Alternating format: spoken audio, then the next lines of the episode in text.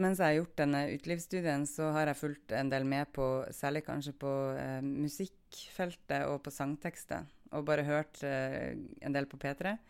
Og der er det jo relativt ofte at kokain nevnes, eh, ikke nødvendigvis som kokain, men at man har ulike andre navn for kokain, da, der man eh, der man har det med i sangtekster. Og det kan jo være med å gi et inntrykk av at det er relativt utbredt. Eh, og samtidig så er det jo sånn at eh, de aller fleste sniffer ikke kokain når de er ute på byen. Du lytter til La oss snakke om, podkasten om rus og rusmidlers plass i samfunnet vårt. Nysgjerrig på noe? Sjekk ut laossnakkeom.no. Hei og velkommen til årets siste episode av La oss snakke om. Jeg heter Bjørn, og jeg kan nå opplyse deg om at vi er langt ute i desember. Og akkurat nå så faller det store, fluffy snøflak over Oslo. Og eh, det passer egentlig bra, for i dag så skal du få høre om snø. Eller i alle fall om et ulovlig narkotisk stoff som av og til kalles for snø, nemlig kokain.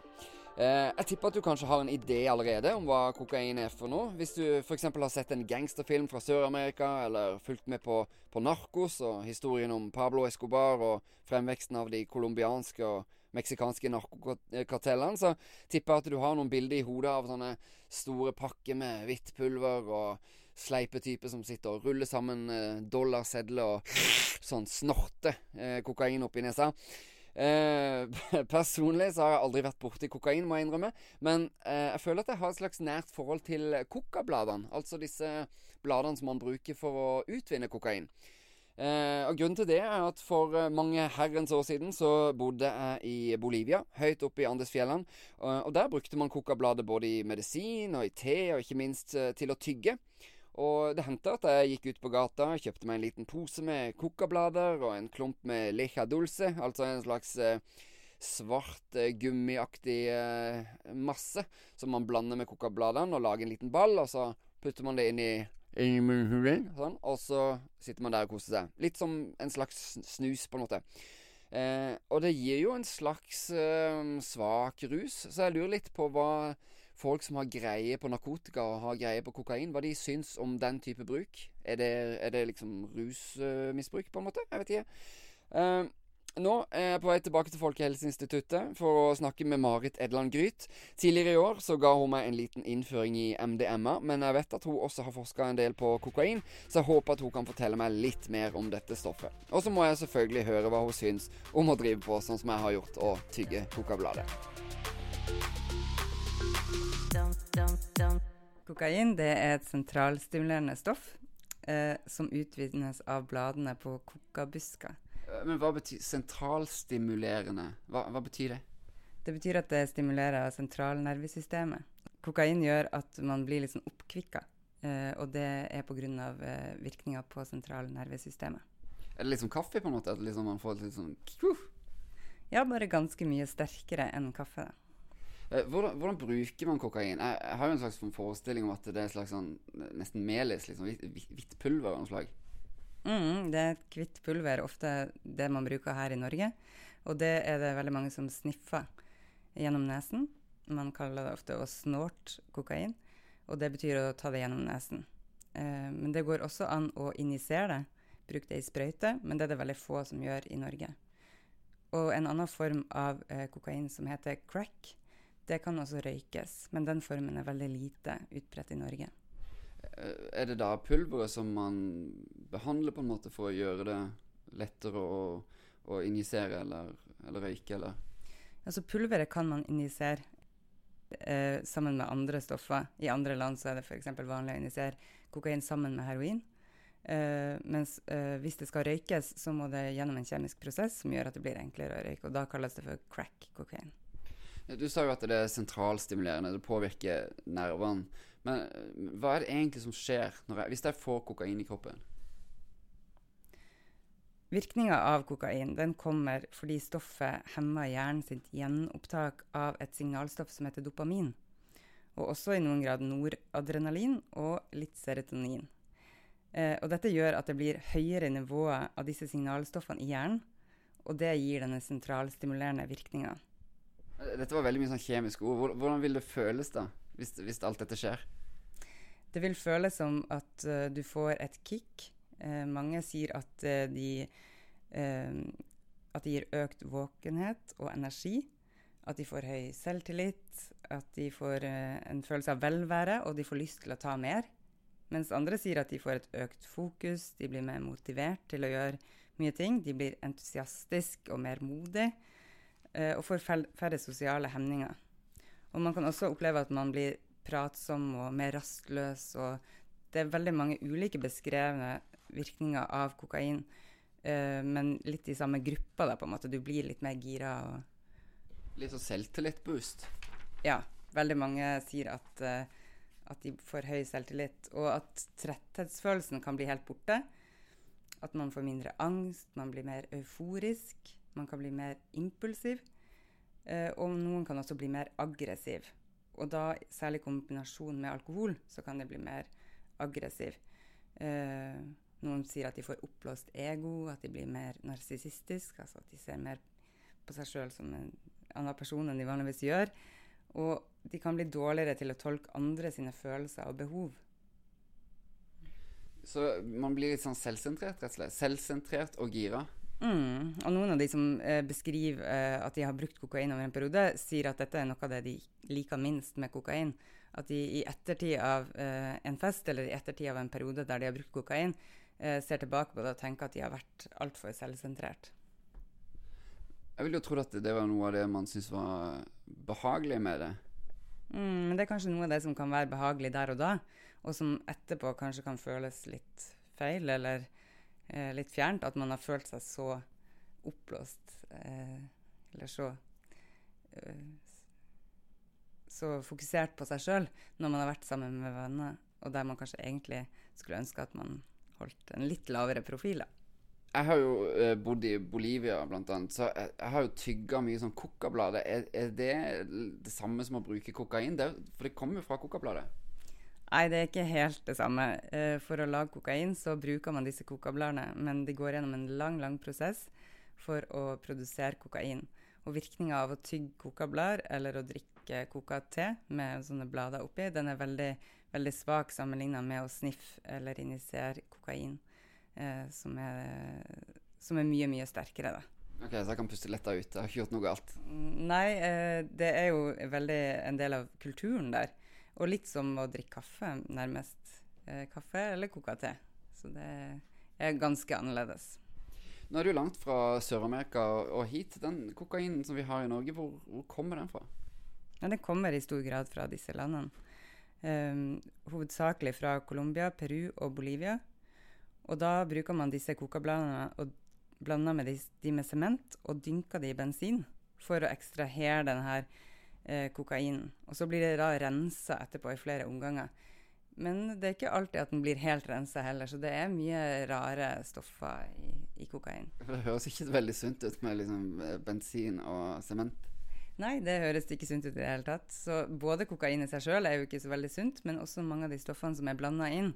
I Norge, i beslag i Norge så ser vi at et stoff som heter levamisol er my mye brukt som uh, utblandingsstoff. Og det er også et stoff som ikke Eh, er veldig helsefremmende. En del sånne stoffer brukes jo også i medisin. Kan man gjøre det med kokain? Ja, noen øre-, nese-, halsleger bruker visst kokain for å stoppe blødninger. Eh, men det er da viktig at hvis man har sniffa kokain, eh, så må man ikke bruke det mot blødning, som da kan oppstå ved at man får problemer med neseveggen pga. at man har sniffa kokain. Dum, dum. Lurer du på hva som er forskjellen på hasj og marihuana? Eller er du nysgjerrig på hvor vanlig det er å drikke alkohol? Sjekk ut la oss snakke om.no.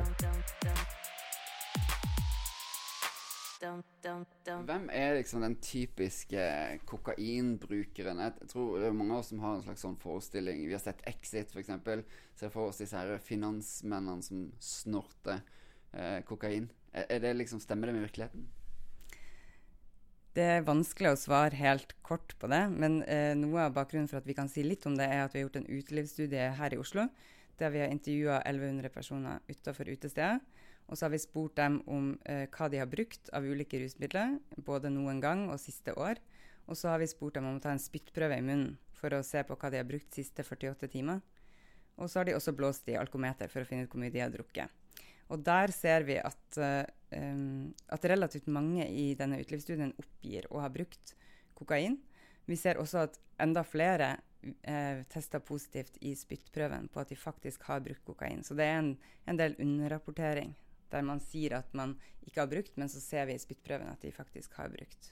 Men når du sier at det er mange som har brukt, hva, hva vil det si? Hva er mange? Altså Hvis vi sammenligner med den generelle befolkninga, der er det veldig få som oppgir at de har brukt kokain både noen gang og siste år, som er de to måletidspunktene vi har. Mens i utelivsstudien så eh, sier eh, omtrent 14% at de har brukt kokain siste året. Og det er relativt høyt sammenligna med de 2,8% i befolkninga som oppgir det samme.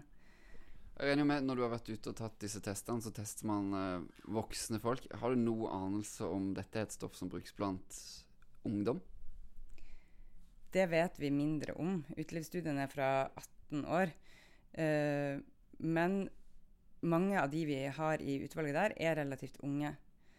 Og en annen ting vi ser der, er at det er relativt mye brukt i Oslo sammenligna med byer utenfor Oslo. Og det også eh, stemmer med det inntrykket vi, vi, hadde på forhånd, at eh, det er flere i Oslo som bruker det. Og det er også flere menn enn kvinner som bruker det. Hva er grunnen til det, tror du? Det vet vi lite om, eh, hvorfor det er flere eh, menn enn kvinner. Men vi ser på nesten alle typer rusmidler at det er flere menn eh, som bruker enn kvinner. Eh, så det er generell, en generell tendens. Går det på at menn er mer ute på byen? Altså hvis man har testa folk på, ute på byen, liksom? Ja, det er også litt flere menn i utvalget, men det er markant flere menn enn kvinner som oppgir bruk av de fleste stoffer. Uh, og det kan jo være at de er mer spenningssøkende. Vi vet veldig lite om hvorfor det er sånn, men f.eks. Uh, eh, ved bruk av tyngre stoffer som heroin, så har vi nesten over veldig lang tid hatt en tendens til at det er en sånn 70-30-fordeling, der man sier at det er 70% menn og 30% kvinner. Både av de som bruker heroin, og også de som dør av overdose. Så det er en tendens på rusfeltet over hele linja. Kan man merke det på folk at de har brukt kokain? Kan, kan man lukte noe, eller kan man se noe, eller er det noe, er det noe tegn? Mange av de som eh, jeg har intervjua som sier at de har brukt kokain, de sier at eh, det er ganske vanskelig å oppdage, eh, sammenligna med en del andre stoffer. Eh, og de sier også at en av de tingene som er fint, er at virkninga er såpass kort som den er, for den er mye kortere enn for andre sentralstimulerende stoffer. Men eh, dette med energi og økt våkenhet og aggressivitet, det kan man jo tenke at man i noen grad kan oppdage, eh, fordi at de blir ganske gira og, og, også kan være litt aggressive. Det er vanskelig å vite om man bare har en god dag, da. Ikke sant. Mm. Derfor er det vanskelig å, det er vanskelig å vite. For meg så er jo kokain et sånt stoff som jeg har sett mye på TV. Gangsterfilmer, eh, narkos på Netflix. Har du noe inntrykk av hvordan kokain fremstilles i populærkultur? Altså, mens jeg har gjort denne utelivsstudien, så har jeg fulgt en del med på særlig kanskje på eh, musikkfeltet og på sangtekster. Og bare hørt eh, en del på P3. Og der er det jo relativt ofte at kokain nevnes eh, ikke nødvendigvis som kokain, men at man har ulike andre navn for kokain, da, der, man, der, man, har det med i sangtekster. Og det kan jo være med å gi et inntrykk av at det er relativt utbredt. Eh, og samtidig så er det jo sånn at eh, de aller fleste sniffer ikke kokain når de er ute på byen. Selv om det er en populasjon der vi vet at bruken er høyere enn i den generelle befolkningen. Har du noen sånne eksempler på eh, referanser som du har hørt i musikk som refererer til kokain?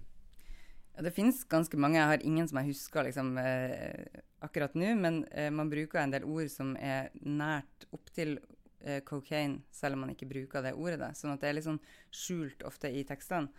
Eh, der man kaller det for coke eller snow, eller av og til også på norsk så kaller man det for brus.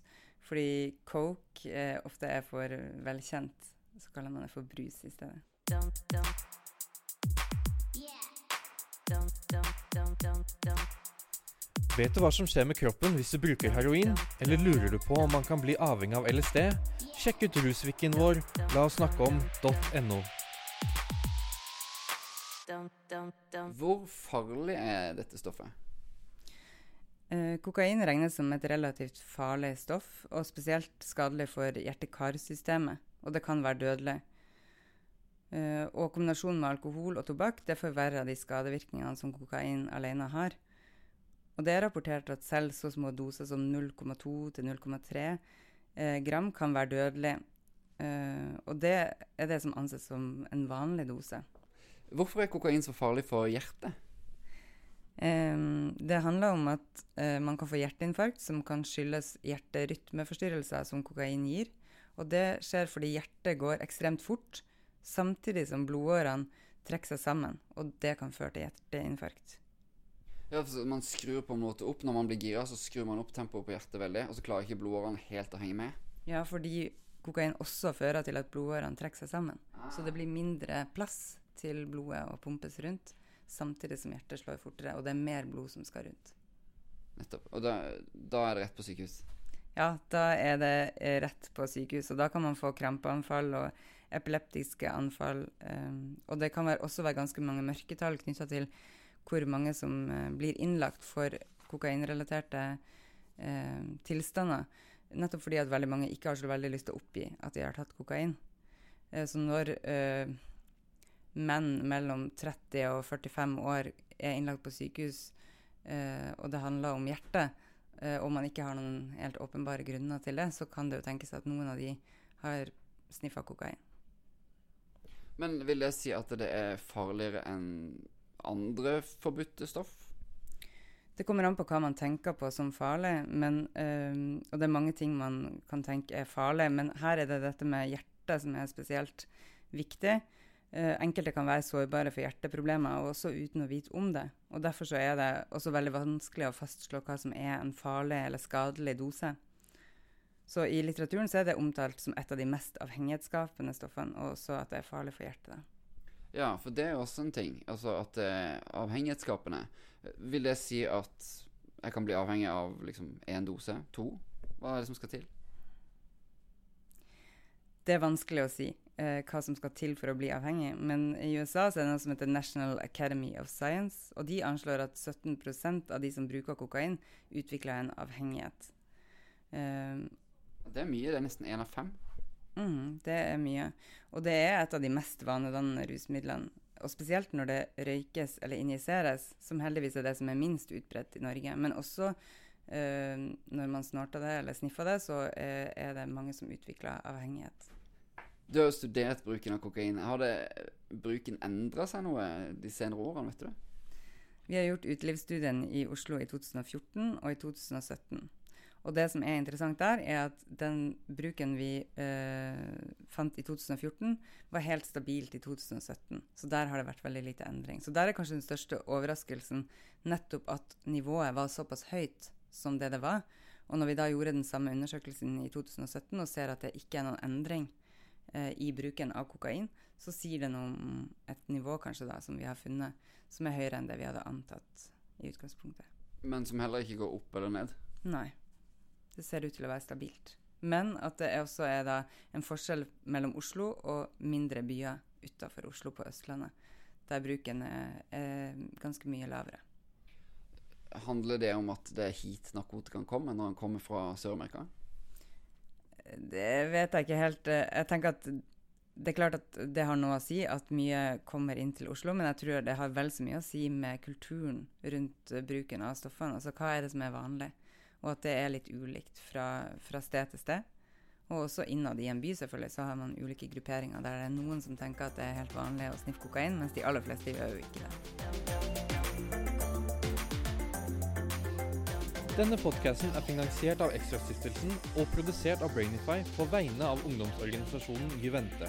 Vil du vite mer om vårt arbeid for å skape en verden basert på menneskeverd og solidaritet, der rusmidler ikke skaper problemer, besøk oss på juvente.no.